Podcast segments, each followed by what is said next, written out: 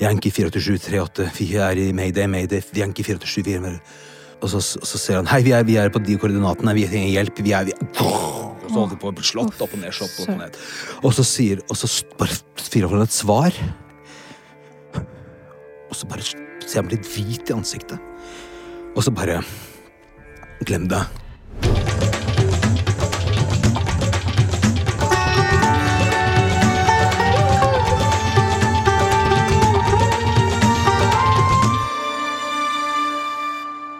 Hei, jeg heter Abid Raja. Og jeg heter Nadia Ansar. Du, Nadia. Vi to kjenner hverandre jo veldig godt. Vi har jo faktisk vært gift i over 20 år. Og det er først nå vi har funnet ut at vi skal lage podkast sammen. Og den skal handle om følelser. Ja, og hvorfor akkurat om det? Lurer du faktisk på det, Abid? Nei, du, egentlig ikke. Jeg, jeg drev egentlig bare og tenkte på om vi skulle lage en sånn fin overgang til de som hører på. Eh, jeg tror folk har fått med seg at vi er jo litt mer enn gjennomsnitt opptatt av å snakke om følelser. Ja, vi har jo skrevet hver vår bok om skyld og skam, og kjent på kroppen hvordan disse følelsene har påvirket oss. Og det du har fått meg til å tro på, det er jo at hvis vi snakker om disse følelsene, så blir også livskvaliteten bedre.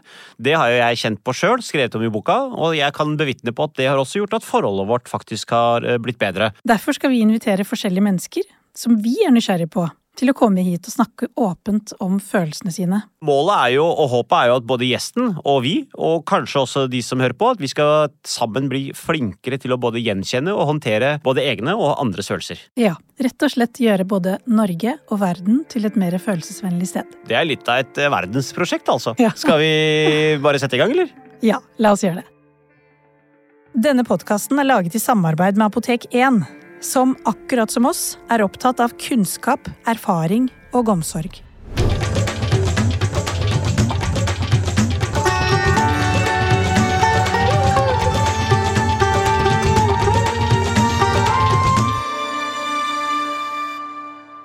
Du, Abid, Yes. siden sist så har vi holdt vårt første foredrag sammen. Mm. Og det holdt vi jo for Apotek 1. Ja, det har vi faktisk aldri gjort. Vi har aldri stått på en scene sammen og holdt et foredrag. Nei. Og så var det litt interessant, fordi at altså, i forkant av eh, presentasjonen vår eller foredraget, så var både du og jeg nervøse hver for oss. Ja. Fordi at jeg er jo vant til å ha full kontroll når jeg holder mine foredrag. Og jeg har ganske god kontroll når jeg står på scenen aleine, på en måte. Ja, og plutselig så skulle vi dele den scenen. Så vi begge måtte komme med en selvavsløring, og det var at eh, jeg var litt redd for å skuffe deg. Og du var litt redd for å skuffe meg. Ja, det var litt rart. altså Istedenfor å vi var, Heldigvis var vi ikke redd for det motsatte, at uh, hun eller han ikke kom til å klare å levere. Ja. Det var mer det at vi var redde for å underprestere. Uh, Ja.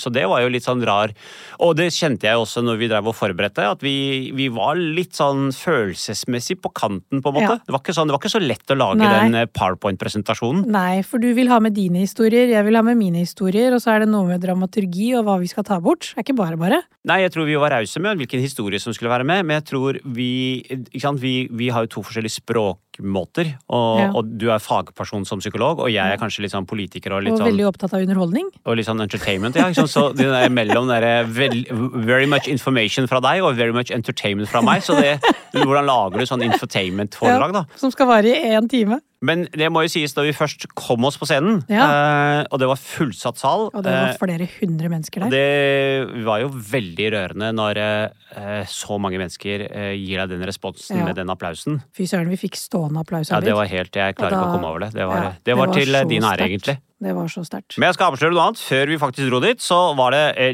langt arbeid eh, i garderoben til Nadia for hvilken kjole vi skulle ha på oss. Når jeg sier vi, så er det jo hun skulle ha på seg kjolen. Og så hadde hun sagt at jeg måtte gå og finne en matchende jakke. Så etter at hun hadde funnet kjolen, og den skal jeg gå med, så kom hun ned, og så sier hun jeg ser ut nå som en bløtkake. Det er en sånn bløtkakekjole.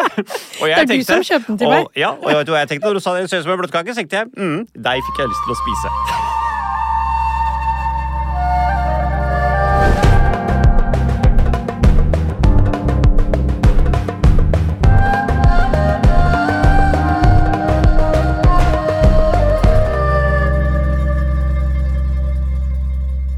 Altså, Det føles jo litt overflødig å uh, introdusere sjølveste Kristoffer Hivju, men jeg må jo gjøre det likevel. Uh, for oss to da, så er jo du egentlig verdens beste nabo. Og eh, hvordan ser verdens beste nabo ut? Jo, det er en diger, svær bjørn som sitter på verdens minste vespa i den trangeste hjelmen man kan se for seg, hvor håret og skjegget tyter utover hele. Altså, Det er bildet for meg av Christopher Hivju. Ja. Men du er jo for verden der ute mest kjent som skuespilleren i Game of Thrones, men det er ikke bare det du har gjort. Du har jo vært skuespiller i Birkebeineren, The Thing, Fast and the Furious, men du, i tillegg til å være skuespiller, produsent, manusforfatter, og listen er uendelig lang. Og nå er du altså jammen her i studio sammen med oss, og jeg mener det er en sann glede for oss. Velkommen skal du være, Kristoffer. Tusen takk. Og da lurer jo kanskje alle der ute på hva er det han derre digre, svære bjørnen driver med akkurat nå for tida? Hva er det som opptar deg for tida nå? Altså, jeg er jo opptatt av å fortelle historier, og det gjør jeg i forskjellige formater. Og det gjør vi kanskje her også, på mange måter. Så jeg lager musikk, og jeg lager filmer og TV. Du vet, jeg gjør det samme. Altså får jeg ikke lov til å snakke om noe som helst, så da blir det ikke noe gøy å snakke om. Men derfor sier vi bare jeg forteller historier.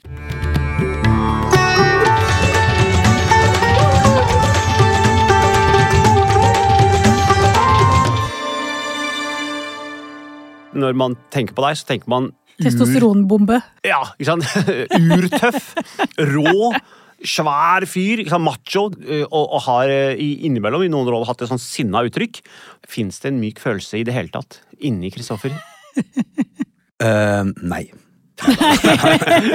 ok, du får ikke Ok, være det det- det var du får det ikke være gjest lenger. Get out! Nei da, altså jeg Mm. må si at um, jeg reagerer litt på det uttrykket som heter myk følelse, å være myk inni. Mm. Fordi at eh, det er vi, det er vi alle, holdt jeg på å si, og motsetningen av det å være hard inni. Uh, Så jeg, jeg vil heller bytte ut ordet myk med dynamisk. Aha. Altså Det vil si at, at det skjer mye i deg, og du er klar over hva som skjer. At du har et forhold til det som skjer i deg. Ja. Og jeg mener jo at det å være dynamisk innvendig, at man har et forhold til alt det, det, det eventyrlige som kan skje, og grusomme for den saks skyld, eh, det er det som er å være et eh, levende eh, menneske, og det er det som også kan gjøre deg hundre ganger sterkere. For meg så høres det ut som at du er i kontakt med din vitalitet. Sant? Og at den kan svinge mellom både følelser som gir velbehag, og som kan kjennes godt, som når vi er glade, eller når vi kjenner på iver, interesse eller engasjement. Og også eh, at du kan ha kontakt med den, den smertefulle mest ubehagelige følelsene. Som kanskje kan eh, være følelser som å ikke være god nok, eller eh, særlig når man skal prestere, så må man jo pushe seg virkelig til det ytterste, ikke sant? Eller når man kan kjenne på disse her eh, følelsene som kanskje noen syns er eh, ubehagelige, da, det med særlig frykt. sant? Så det er noe med å kjenne på en måte instrumentet ditt i det fulle. At det er mer dynamisk, på en måte. At det ikke nødvendigvis trenger å være noe mykt. Ja, riktig. riktig. Ja, og, og hele faget mitt handler jo om å, å spille på det. Så, og, og selv om Tormund var en, fra Game of Thrones var liksom en, sett på som en tøffing, så han var jo veldig forelsket og ble sveket og gråt plutselig, gjorde han en dag. Og likevel ble han sett på som en veldig tøffing.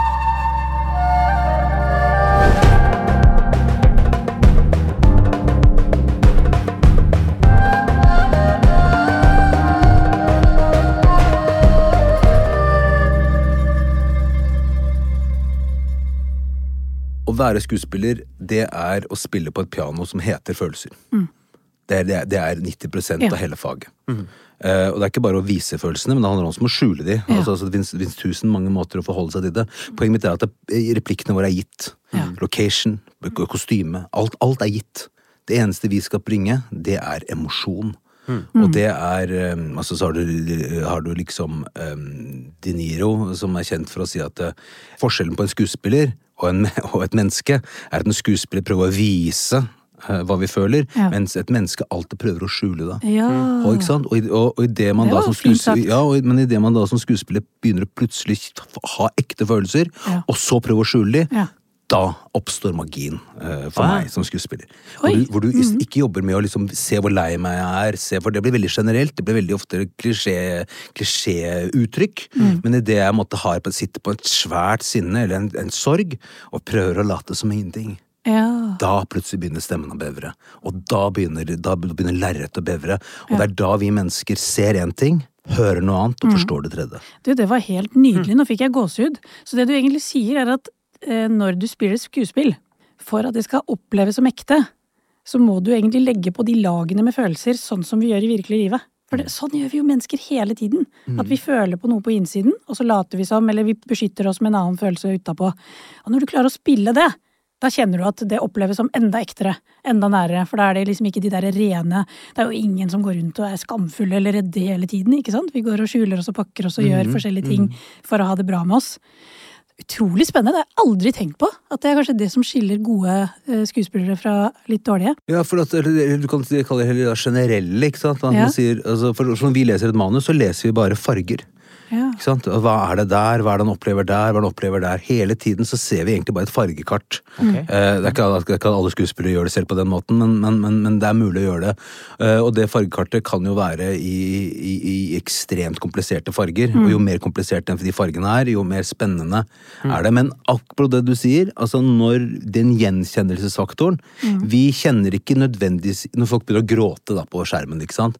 så er- begynner ikke du automatisk å gråte. Det er ikke sånn at følelser overføres direkte. Nei. Fordi jeg er trist, og så blir du trist. Ja. Altså det med, det med medfølelse er en veldig vanskelig ting. Og det å overføre følelser. Vi er, Men For det holder ikke å gråte som skuespiller for at seeren gråter. det holder ikke. Men det vi kan gjenkjenne oss i, det er at noen som holder på å begynne å gråte, og så holder de igjen. Og så holder de igjen, så bare ko- ligger et kok bak, og så holder de igjen. Og der, i, den, i det trøkket der, der kommer gjenkjennelsen. For sånn har jeg det òg. Jeg, jeg, jeg bærer på en holder på, og så, så lukker jeg det igjen. Liksom. Men det er, det er meg som ser. Men når du er i det dirrende øyeblikket, på randen av en følelse som skal frembringe følelser hos seeren, hva, hva er det som foregår på innsiden av en skuespiller som deg? Eh, Det finnes tre eh, veier til rom. Eh, og den ene rommen, en, ene, ene veien, det er å ta seg Ja, ja. et shot med rom. Ja, ja. Da er du veldig rask Der er det raskt, der er du fort, der er det der med en gang. Der kom vikingen fram. det. Men, det er, og det er fortiden. At du sitter og jobber med manuser, eller i dialog med, om, om rollen, og så sitter du og tenker Oi, ja, sånn husker jeg opplevde en gang. Oh, ja, akkurat sånn. Og jeg var nesten sånn, eller jeg hadde en kamerat som opplevde det, og da husker jeg han sa altså du bare sitter i et slags minne... eh, Bank. ma- bank. Og, og når man forteller historier, så handler det om også hvordan kan vi skape en gjenkjennelse. Og det første gjenkjennelsen må skje, er at jeg må kjenne meg igjen i manus. Jeg må kjenne, For, kjenne meg igjen Og for å klare det, så må du på en eller annen måte hente fram noe fra ditt eget opplevelsesrepertoar, og få tilgang til de opplevelsene. Ja, for å få fela må spille på sin egen fele. Nettopp. Altså, det er der lyden kommer fra. Så jeg er jo instrumentet. Mm. Og da er det noen som for eksempel driver med sånn um, traumeaktivisering. Det, er, for eksempel, det er mange skoler innen og det er mange veier, som det er mange veier til rom. Du sa tre veier, så det Jeg første var så, så, fremkalle første er gamle minner. Gamle minner, og da kan noen bruke for eksempel et traume, at et, et, et, en følelse de aldri blir kvitt. Ja. Og så kan de gå inn der. Eller positive minner. Det andre er physical memory, eller fysisk minne. Mhm. eh, det vil si at jeg, jeg slår i bordet, så er jeg forbanna med en gang. Ja. Fordi at når du er sint, når du ah, igangsetter Ja. eh, eh, eh, de, de bevegelsene du gjør når du er sint, Ja. eller Hvis du gjentar de. Hvis du gjør da den, eller for eksempel Så gjør med pust, ikke sant. Altså, det er liksom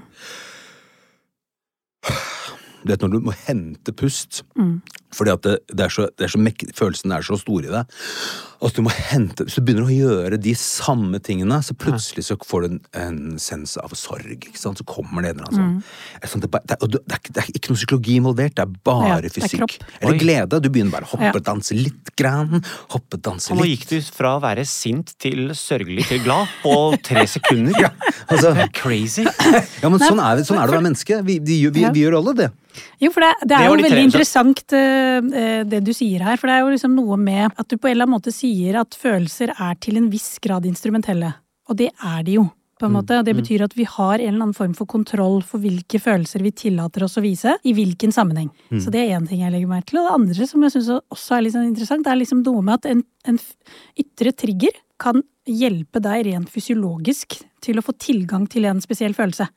Og det har jo også forskning vist. For eksempel det der kjente blyanteksperimentet, at du legger en blyant i munnen, og så smiler du, og etter eh, bare noen eh, ett minutt eller noe sånt, Ja. så er du faktisk glad. Ja. Så det er et eller annet med å få tilgang til noe som ligger rent kroppslig. eh, uten at du trenger å være, så komplisert og, og psykologisk, da. Styrken med det er at du på en måte raskt kommer deg i en emosjonell tilstand. Mm. Hvor du kan framstå som veldig genuin uten å egentlig være det på ekte. Mm. Men hva er baksiden med det? Ja, men Dette er spennende, og det er gøy at du har et begrep for det. At det finnes et begrep in, industrielle I, nei, ja, det kunne vært industrielle, ikke sant? men det er egentlig instrumentelt. Instrumentelle, Sånn, så det er litt sånn ja. som når barn kan gråte seg til is. Ja. Eller du sier unnskyld uten å mene det. Ja, så er det ja, ja, instrumentelt. Du gjør det ikke fordi du mener det, men du gjør det fordi at det framkaller deg visse goder, eller at du får er noe alle fra andre. skuespillere, vet du. Ja da. Disse to kommer til å snakke seg vekk, så derfor må jeg altså, Ja, vi, må, vi Vi må skal ha tre, struktur. ja, men jeg Vi må ha skal ha disse, struktur. vi må tre veier til rom. Vi har fått de to, og Sånn den er på tredje, Stortinget. den tredje Med alle gode ting er tre, og den tredje var Det tredje er fremtiden, og det er altså at du ser for deg et scenario som eh, du er eh, livredd for. Og jeg, jeg skulle for eksempel gjøre en, en sånn sammenbruddsscene i en, en, en, en TV-serie hvor jeg skulle liksom bare jeg skulle, I prinsippet skulle jeg gråte i to dager for å få alle bildene. Eh, og, eh, og jeg skulle altså gjennom et sånt fundamentalt sammenbrudd. Altså hvor du måtte bare Hvor du bare, bare renner eh, Ja, Du skal renne tårer. og Du skal bare bevre og skjelve og det, sånne ting. Og da brukte jeg da et bind Et så for meg en kamerat som jeg tenkte at han At han døde, for eksempel. Og begynte å se for meg begravelsen. Jeg begynte å se for meg hva jeg sa, og plutselig så bare så var det der. Ja, var det der. og, og, og da hoppa jeg inn og ut av det minnet etter hvert, og da fant jeg en måte strømmen, altså den derre jeg ser på, jeg opplever måte emosjoner som en elv som Mm. renner gjennom oss til enhver tid. Og så kan du sette opp barrikader. og du kan- Knausgård også, faktisk. Ja, han gjør det, ja, riktig. Ja, det er jo egentlig en billig metafor, så jeg skal ikke, skal jeg skal ikke ta æren for den. Men eh, han, skal ikke, han skal heller ikke være for den, for den men, men allikevel. Eh, og, og poenget mitt er bare Og da, og da brukte jeg det som en minne. Eller det, det Tenk hvis det skjer. Ja. Og, så det, og det er et begrep vi bruker ofte, eller som er ja, det magiske hvis. Hva om dette var sant? Hva om dette var sant? Du, dette her er helt utrolig. Nå har vi altså fått egentlig fasiten på hvordan det er å være en veldig god skuespiller, hvis du klarer disse tre veiene til rom. Ja, fy søren, altså.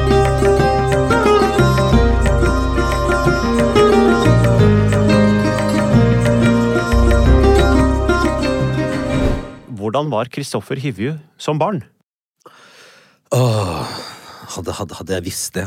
eh, nei, vi glemmer så fort. Nei, vi gjør ikke det. Vi, vi har en, en eller annen merkelig fornemmelse av hvem vi, hvem vi var. Og, Ja, og vi har opplevelser i kroppen. Det er akkurat som det er sånn kroppsliggjort, så vet man det.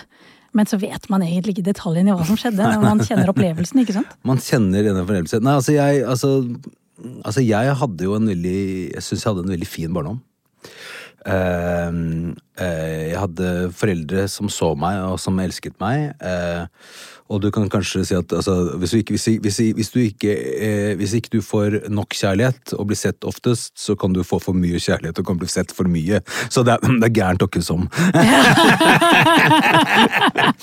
Det blir aldri godt nok. Altså det, så det ene, det ene det fører, til et eller annet faenskap uansett. Ja, ja. Men, men, men, men så jeg hadde, hadde ganske, ganske fin og trygg barndom. Jeg tror jeg var veldig emosjonelt barn. Jeg hadde mye store eh, opp, Alltid opplevd følelser som en ganske Intenst. intens og, og, og, og, og sånn litt wagnersk, altså litt stort. Ja. Jeg har alltid opplevd at, eh, at, eh, at det har gått, eh, gått liksom i hele, hele vifta. Ja. Eh, som, jeg opplevde, som jeg tror jeg opplevde som ganske voldsomt. Ikke sant? Derfor var det veldig gøy å, å, å erte meg i skolegården, for hvis jeg klikka, så hadde du en okse etter deg. Mm. Eller hvis det, jeg fikk latterkrampe, så lo jeg meg skakk i hjel. Altså, så jeg, mm. så jeg, jeg, jeg tror jeg, Og det kan hende at det henger litt sammen med det å være rødåring. Altså, jeg vet ikke om det er noe forskning på det. At rødåringene føler mer enn andre. eller opplever andre. For at, at dette er interessant. Kan, kan rødhåringer som barn også bli plukket mer på enn andre? Det kan være, men det handler om at de er så lette å spille på. ikke sant? Ja. Altså, altså, Du skiller deg ut på godt og på vondt. De, for jeg, jeg vet ikke om du har, vi har forskningen på vår side Nadia, om, vi har, om det å være rødhåring er uh... Kanskje vi skal, jeg skal ta en postdok på dette her. ja, dette, må, dette, må, dette, dette, skal- dette er post- Post-it-lapp. Eh, føler rødhåringer mer enn andre. Ja. Men det jeg vil si, er at uh, vi opplever følelser veldig forskjellig, alle mennesker. Noen opplever de som vage fornemmelser, og noen opplever de veldig sterkt. Ja.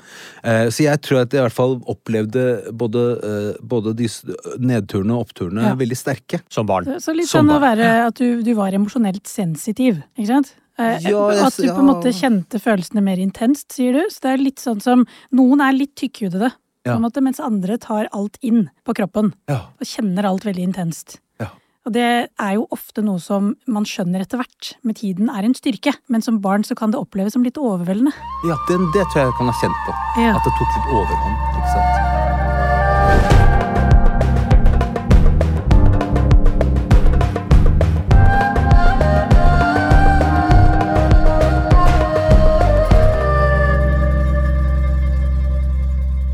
Eller annet med det som du sier, at noen følelser ble litt overveldende for deg, som jeg syns er litt sånn interessant, da. Er det noen episoder du husker som ble spesielt intense for deg i barne- og ungdomsskolealderen? Altså, jeg husker at jeg Jeg var vel seks, fem, fem år, tror jeg var. Ja. Eh, og så var det en eh, gutt på, eh, som gikk i andre klasse, som var sy syv år. Eh, Han er, han er naboer med oss fremdeles. Jeg skal ikke gi oss navnet hans. Og vi er kompiser nå, altså. Men ja. Han var, også, han var tre år eldre enn meg. Når du er fem år, Ja. da er du en liten kid. altså. Jeg møtte en fire- fire-fem år, og jeg tenkte «Hva, var jeg så liten? Men dette husker jeg som det var, den, det var i går, liksom.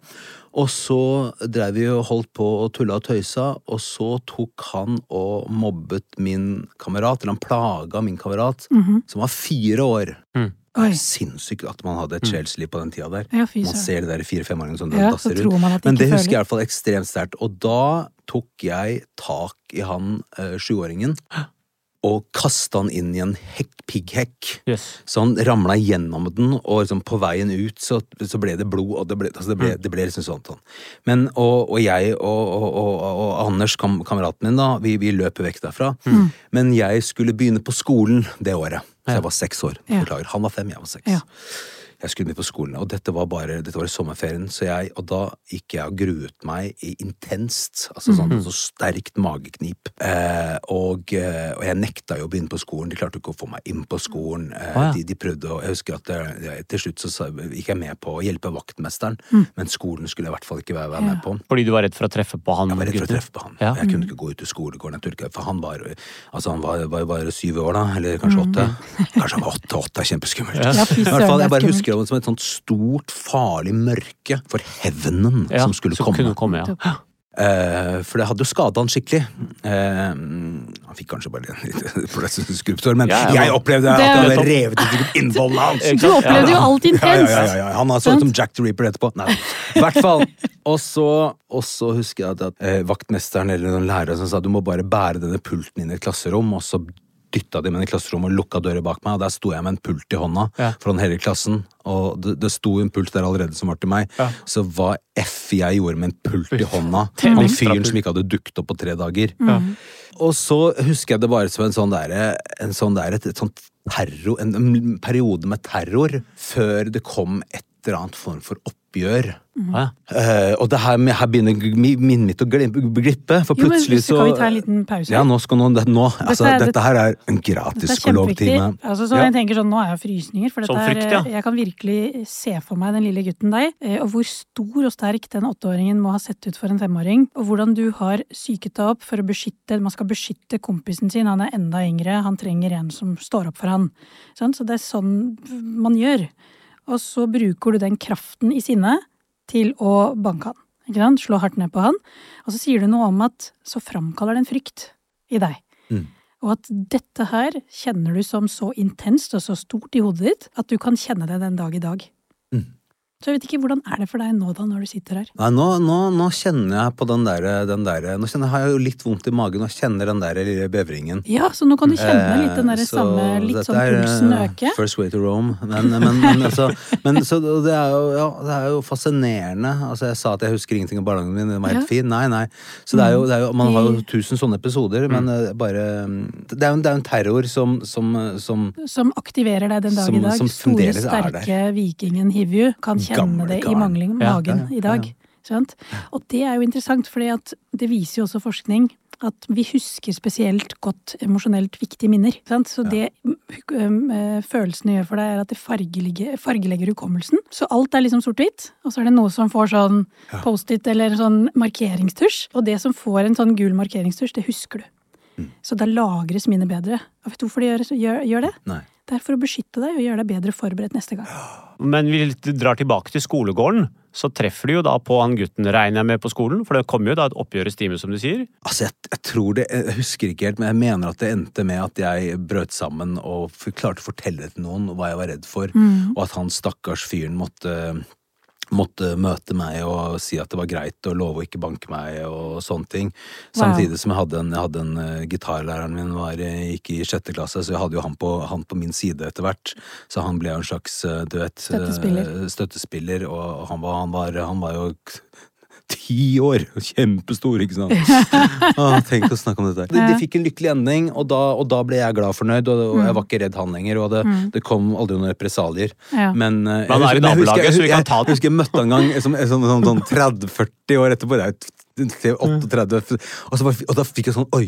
Ja. Og så måtte jeg bare bort og snakke med han, liksom. Ja. Husket han det som like dramatisk som deg? Nei, jeg tok ikke opp det minnet. Jeg skulle ikke at jeg, at jeg, Du kan si til han nå, vet du, jeg kasta deg den gangen, og nå kan jeg gjøre det igjen. Ja, riktig.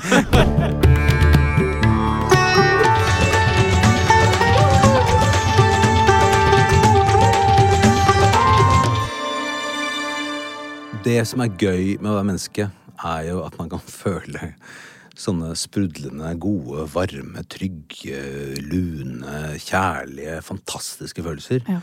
Og det som er grusomt å være menneske, det er at du har, må føle på eh, frykt og sorg og sinne og, og følelse av å være overveldet. Eh, Depresjon. Og depresjon, som er, en, som er en blanding av lei seg og frykt og, og, stress. Jeg var veldig stressa tidligere i dag. Tenkte jeg måtte komme meg ut av det. Så det er jo, det, så det er jo altså, å tro at uh, livet, uansett uh, hvem man er, er uh, kan bli smerteløst, tror jeg er en utopi. Mm. Og vil vi ha et smerteløst liv? Ja, det vil vi, men det kommer vi ikke unna.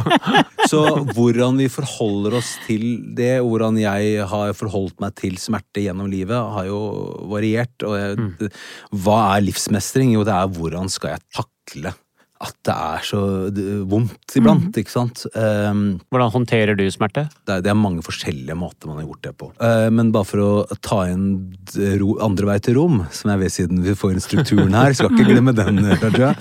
uh, som handler om dette med og hvordan du kan igangsette en ny følelse. Så, så har jeg, fordi jeg har hatt evnen til å mm, manipulere mine følelser, eller eh, bruke dem som et instrument, Ja. eh, også kunnet gjøre det i mitt eget liv. Ja. Eh, og det, kan, det, må, det må vi alle gjøre. Hvis du har det vondt, da, Ja. eh, så er det en tid for å ta det inn. eh, og det er en tid for å gå videre. Eh, men hvis du går videre for fort, og det er i hvert fall min erfaring i livet, så, kan den, så vil den jage deg. Og, og, og, Og hente deg inn igjen. og hente deg inn igjen. Som, altså, den vil bare, den, du, du vil bare ende opp med å løpe fra den. Og det gjorde jeg i mange år. På den måten at jeg liksom Ok, skal jeg ha det bra? Nei, men da, da, da, da trener jeg. Eller da spiser jeg. Eller da, da, da danser jeg. Eller, da, liksom, eller da prøver jeg å komme inn, å være, unngå å være alene. Hvordan har du da lært deg å takle det på en annen måte? Altså, jeg jobber fremdeles med saken, ja. Men, men, men det å, å faktisk ta seg tid til å kjenne etter hva er det, og så kommer det. Ja. Ikke sant? Og så vil du gjøre alt mulig annet. Så vil du bare flytte deg b b Bruke en av disse milliardene måtene vi mennesker har for å komme oss vekk fra det vonde følelser. Beskyttelsesstrategier Og- og for å håndtere smerte. Der kom det faguttrykket. Og det er jo liksom, det er når folk liksom driver med dop, ikke sant, Ja. eller altså, og, og alle former for rusmidler, så er det ofte, veldig ofte, har jeg inntrykk av, at folk prøver liksom å, å, å, å, jage etter noe Ja. annet. Og det er en metode jeg heldigvis ikke har benyttet meg av. Men allikevel så er jeg bare ser, jeg bare, du ser et samfunn hvor så mange jager positive følelser. Jaget av negative følelser. Ja. Jeg liker ikke ordet negative følelser. Jaget av smertefulle følelser. Ja. Forsøker å flykte fra, fra Eh, det. og flykte fra det. Det var en venninne av meg som, som hadde, eh, hadde som slet med angst. Og så var det en lege som han sa til henne at eh, ja, men hva er du redd for? Jeg er redd for angsten. Ok. Hva er, det, hva, hva er det verste som kan skje? Ja, altså, jeg, jeg, altså, jeg blir jo helt ødelagt, jeg blir helt skjelver, jeg mm. helt sånne ting. Men eh, Og så hadde du da så veldig mange uh, coping mechanisms Ja, for å komme ja. seg ut av det. Ja. Og så sa han hva om du bare lot den komme, og se hva som skjer? Mm. Hva mener du med det? Bare la den komme. Mm. La den komme? Ja, la den komme. Mm. Og så bare Og så, så bli. Bli, da. La den komme. La den komme. Og så kommer du til et makspunkt. Ja. Men skjønner du, ja, dette er helt jævlig. Men det er jo bare en følelse. Ja. Det er jo ikke farlig. Det er grusomt, det er vondt, det er smertefullt. Men det er jo ikke det, det, det, Tar ikke livet av deg. er- Jeg sitter jo her fremdeles, liksom! Ja. Jeg er nok fremdeles sånn at jeg vil nok eh, forsøke å lukke følelsen litt vekk, for det er lettere å, å forsøke å hvert fall begrave den bort, eh, enn å se den rett inn i øyet, på en måte. Så det, Det er et menneskelig instinkt, det det, er ganske, med å det, er unngå smerte. det, Det det, det du da har gjort, eh, er ganske, det er ganske vanskelig. Det er, det er et nytt verktøy i verktøykassa. Altså Når det kommer, så bare sånn ok. Men dette, dette, dette, det må, er- jo- dette, er ikke, dette er ikke noe med legen til min venninne har funnet på. Dette, er, dette, er, dette må du ha hørt om før. Ja, altså jeg har jo hatt utrolig mange klienter opp gjennom tiden, ikke sant. Sånn at det er liksom noe med et element av det vi også kan kalle for enten eksponeringsterapi, eh, som noen liker å kalle det for, og i emosjonsfokusert terapi så handler det egentlig bare om å, å følge smerten. For veien ut av smerten er gjennom den. Mm. Så det å ha lett å si, vanskelig å gjøre. Ja, det er utrolig vanskelig. Det er noe av det vanskeligste som fins, også for meg som person. Jeg er først og fremst et menneske. Har unngått smerte hele livet selv, sant.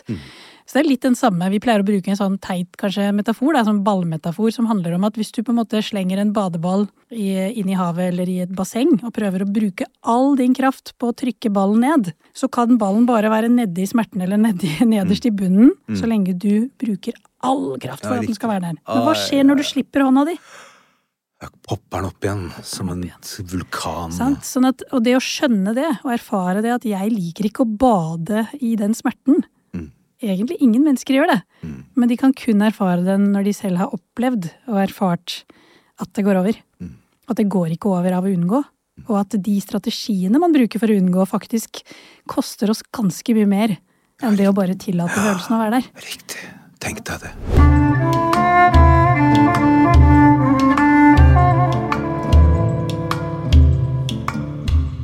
Jeg blir nysgjerrig på, for du sier noe om at eh, det, hvem er det som ikke har et komplisert forhold til frykt? Så hva er ditt forhold til frykt? Nei, men Vi er kommet til eh, den tredje veien til rom, Ja. som handler om å se inn i fremtiden. Mm. Um, og jeg gjorde en film en gang som het After Earth. uh, Den har med, jeg- med, den- med, med Will Smith og Ja. sønnen hans. Ja. Og da har eh, Will Smith en fantastisk tale hvor han sier at um, uh, frykt er et produkt av din fantasi. Frykt er ikke uh, reelt. Det er en forestilling om hva som kan hende deg hvis det og det skjer. I framtiden. Fare er reelt. Den er her og nå. Den er et møte med eh, en, en, en fare. Ja, isbjørn dukker opp. Eh, ikke sant? eh, ikke sant? Eh, og, og den er reell, men du må ikke blande fare med frykt. Ja. For frykt er noe Dette sier han til sønnen sin da, for å få han til å gå, komme, Mm. gå, gå gjennom en eller annen sinnssyk utfordring. F frykt er, er bare noe du dikter opp. Og der altså, er det vanskelig igjen å navigere som menneske. Det er veldig lett å blande de to. Eh, og tro at man er en fare når man egentlig driver og dikter opp et scenario. Altså, frykt eh, eh, eh, opplever man jo Altså, tanken om hva som kan gå galt, eh, kan man jo eh, Kan være en aktiv tanke i huet ditt. Ja, ja. At du leter etter farlige ting. Altså, Mm. noen er jo veldig bekymra, noen er, er, er som grublere, noen, noen, noen ser alltid et skritt foran, og det baserer seg på hvor mye frykt og kanskje fare man har opplevd. Eh, Så der er, jo, er vi jo forskjellige, og, og der, det handler jo liksom mye om også klare å avsløre seg selv og si at vet du, at nå driver man og dikter her. For vi er jo diktere alle mann. Vi dikter hele tiden. Vi er gode Og- historiefortellere. Men, men min første liksom, sånn dype opplevelse av fare eh, eh, skjedde eh, når jeg var på en seiltur med, med bandet mitt, det gamle bandet mitt, som het Wax. Og Vi hadde nattseilas eh, og kom paradoksalt nok eh, rundt de øyene hvor eh, Amlet, altså myten om Hamlet, Ja. mellom, altså, som- mellom Sverige og Danmark, der ligger det, der er det noen forferdelige skjær. Og jeg lå og sov, og du vet når du ligger i en seilbåt og seiler hele natten, så bare det ligger og brøt brøter, bare det ligger og svaier, og det er bare koselig, ikke sant. Så plutselig hørte vi bare da var det altså kjølen som rørte ved noe stein, ikke sant. Og så alle fryser til. Lang pause. Alle, alle holder pusten. Og så plutselig så går vi på eh, Og så stopper båten. Altså Da ligger vi liksom seks knop eller noe sånt, og så bare, bare Bråstopp. og bråstopp eh, med den grusomste lyden jeg har hørt i mitt liv. Eh, og, og bølgene begynner å da slå oss opp og ned på, Oi. på det. Så fra måte du ligger liksom i mors mage, som da er seilbåten denne ligningen, så plutselig så begynner da både dette, dette hjemmet ditt, huset ditt, begynner å bare stå og bli knust opp og ned, og du, du, du, du blir kasta 180 grader fram og tilbake, opp og ned. Um, og så kommer vi opp um, Og jeg husker kameraten min hadde, vi hadde, vi hadde liksom én mobiltelefon, og den eh, ringer han um, Altså, nei, han tok VHF-en, den der eh, radioen om bord, og sa Yankee 48738, vi er i Mayday, Mayday, Yankee 487, vi er og så, og så ser han Hei, vi er, vi er på de koordinatene, vi trenger hjelp, vi er vi er. Og så holder de på å bli slått opp og ned, slått opp og ned. Og så sier Og så bare fyrer han et svar. Og så bare ser han blitt hvit i ansiktet. Og så bare Glem det. Glem det. Så skjønte jeg ikke hva, hva som hadde skjedd. Altså at han gir opp? At Nei, nå dør han fikk en beskjed fra eh, mediesentralen i Sverige, og den var 'ring din morsa'. Han trodde det var en kødderinging. Oi! Å, fy søren. Seriøst? Så plutselig så fra at vi er i dyp krise, og ringer da eh, Søker da opp mot liksom autoritetene, Ja. Hjelpen, og så sier de så sier de 'ring, morse». ring mora di'. Åh. Så skjer det at båten løftes opp av en kjempestor bølge, og så løftes den går ned, og da går da hele masten blir slått som et sånt, er et sånt der, um, industrielt uh, sånt slåjern. Ja, Ja. så banker ting ned i Slår, Knekker Ja. igjennom hele båten, blir slått oh, ned i båten, og knekker en sånn der eh, svær jernstang som bare spretter ti meter, eller litt ti meter, altså rett ved siden av meg. Og så knekkes da den, når den faller, den masten, så rives hele, hele og, og topplokket på båten opp, og bare plutselig er vi helt eksponert, ikke Å, sant? fy søren. Uh, og, og vi begynner sånn, uh, og, og, og da var det alle mann over bord, og da er det sånn, og sånn at, altså, jeg vet, Redd deg sjøl, altså, egentlig. Ja, ja. jeg kommer til å dø. Ja, ja. Nå Ja. dør jeg. ja, ikke engang redd deg sjøl. Nå Nei. er jeg ferdig. I hvert fall skal vi til å, å klare å kaste oss over bord, og vi hadde, hadde ikke rukket opp oss i redningsvester engang. Og så er det stille. Og da bare glir vi. Ikke sant? Og da ligger liksom seilet, alle vaierne, hele båthuset er revet opp, masta ligger halvveis og gyger, og- og så er det helt stille. Og så bare glir vi. Og da har vi kommet over skjæreområdet. Så vi, er liksom, vi bare står og sitter og puster og puster og puster og puster. Og så kommer da, er det noen som har sett det også, det kommer helikoptre, det kommer redningsskøyter og eh, altså En liten positiv note, da. Altså, det var min første førsteside. Norske seglere i båtdrama. Å, fy søren. I Sverige. Ja. Ja, det var, du vet, forfengeligheten Man må- man må forfengeligheten bruke litt dukker humor opp for å uansett. Nei da, det, det kommer dagen etterpå. smertefulle- Men det som, det som skjedde, var at vi kommer oss inn, vi blir tatt vare på, vi får redda ut de, de objektene som var igjen. Og Eh, overlever. og overlever, overlever, overlever. Ja. Med det traumet. Eh, Dette må ha vært ekstremt skummelt. Det er jo det nærmeste man kommer en traumatisk opplevelse. Det var nær døden. Ja. Hvor gammel er du da? da, da, da altså, jeg, skal vi se, jeg var like ved det var et år jeg begynte, skulle til å begynne på teaterskolen i, i, i, i Danmark, så dette var Altså, jeg var vel 23-22 eller noe sånt. da. Og hvor, hva kjenner du i kroppen din nå som du forteller om det? Nei, nå? altså, nå er det jo Jeg har fortalt historien i godt lag mange ganger, Ja, ja, men, ja. men, men, men det var rart å re- rekognosere det. Ja. Eh, men dette er også et traume jeg har jobba meg gjennom, på sett og vis. Så, så Absolutt, det, det, er så, det er ikke så latent Nei, nei, i meg. Det var verre med han der, han der åtteåringen, liksom. Absolutt. På, på 1.10. Nei, nei, nei, men, Eh, det, var verre å gå inn i. Eh, så, men, men likevel, for det er jo interessant, for her er du litt sånn tilbake til det du sa litt sånn innledningsvis, at jeg kan fortelle en sånn vanvittig Altså, jeg sitter og skjelver når du snakker, for det er så levende fortalt.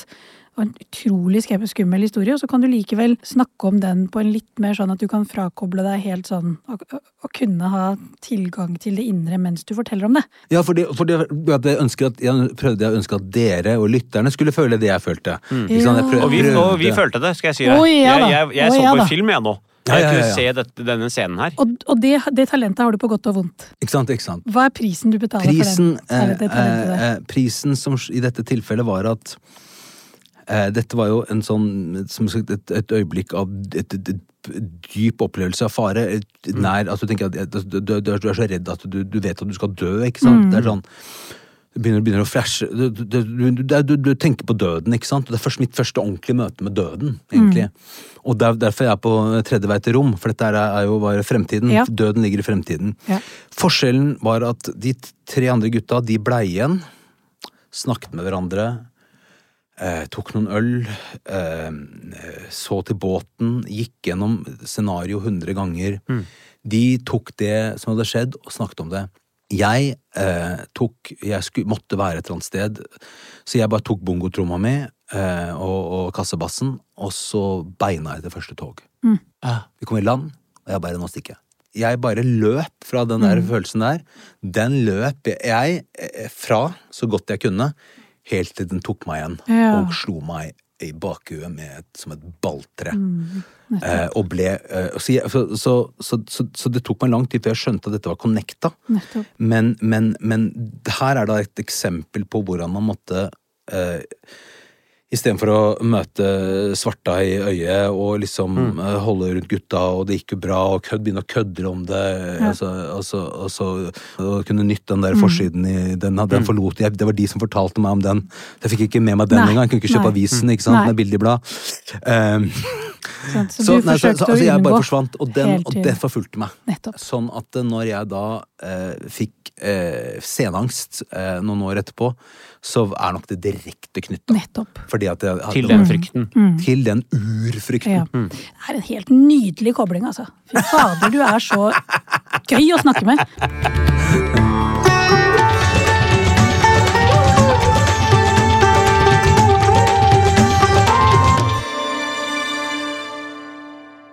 For en utrolig historieforteller du er, eh, Kristoffer. Altså, det er gøy, det er levende, og, eh, og det er som en film eh, når man hører deg fortelle. Bare at det er ekte. Så det er enda bedre. Ja. Men nå skal vi inn på vårt faste punkt, Nadia. Det er, Ja. Du har kortstokken her. Jeg har en kortstokk her, eh, så her skal du få lov å trekke et kort. Skal vi se.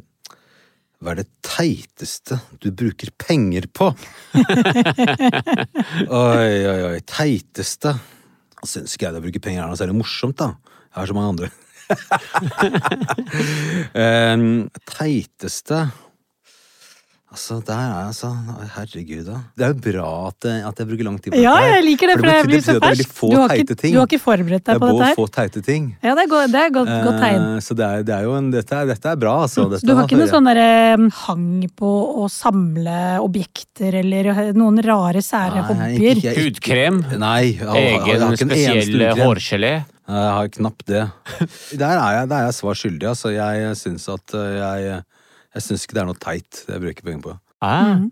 Så du har egentlig ganske gode pengevaner. Ja, jeg vil si det. Ja, det det litt jeg. Ja, okay. Jeg syns det er litt kult. Hva, hva kjente du på når du sa det? Var du litt sånn Ja, da, da, altså her blir det mer sånn at, eh, at jeg føler at jeg bør levere et bra svar. eh, som en, med en morsom, teit ting. Mm. Eh, Mm. Og når det ikke kommer, hva skjer da? Kom, nei, da, da føler jeg at jeg har feilet. Ja. Men du må iallfall, ut fra det spørsmålet som du har fikk, ikke begynne å legge deg til en dårlig uvane nå. Begynne å kjøpe okay, men jeg, jeg, jeg, jeg, jeg kan si dette, nå kommer jeg på et svar her. Eh, Jeg kan si dette. Hver gang jeg kjøper et eller annet på Instagram eller på internett, Ja. at jeg tenker at den må jeg ha. Ja. Hver gang Ja. jeg gjør det, så ender jeg opp med å bli skuffet etterpå. Jeg kjøpte et svært nett som jeg skulle stå og kaste jeg er jo opptatt av frisbeegolf, ikke sant? Ja. Frisbeene mine inni. Og så tenkte jeg, men jeg vil ikke stå og kaste disker inn i et nett. Fant jeg ut når jeg hadde kjøpt og fått det svære racklet inn. Jeg vil jo kaste det på Ekebergsletta! Jeg vil jo kaste det på en kurv. Ja. Ikke, altså, men det blir sikkert mye bedre hvis jeg kaster det i et nett. Ja. Men ta et fotballmål, da! ja. Altså Takk, jeg fant et svar.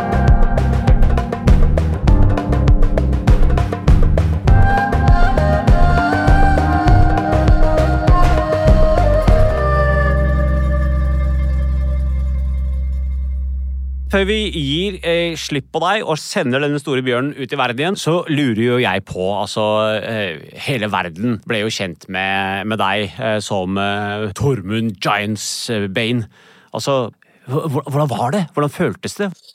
Altså, jeg føler at du er litt sånn altså, Hadde denne podkasten kommet ut for fire eller fem eller seks eller syv eller åtte år siden, så skulle jeg så, så, altså, altså, det er liksom at Nei, det er- Vi sitter og ser på The Wire om igjen. Vi har Game of. Thrones som neste. riktig, Vi skal se den om igjen. riktig. Vi er der vi Vi skal er se i den igjen. generasjon 40 pluss, Ja, jeg skjønner dette, men det er veldig gøy å møte sånne, sånne kids som har begynt å se det for første gang. Og sånn, som er sånn oh, Red Wedding! Det var sinnssykt! Ja, ja, slapp av, du er, du er, du er sju-åtte år um, bak tida, liksom. Kjære alle sammen, kom igjen. Ah, jeg holdt på å si, Hvis det hadde vært live audience, hadde jeg gi Kristoffer Rivi en stor applaus! Vi får gi oss selv en applaus. Det er også en egenskap.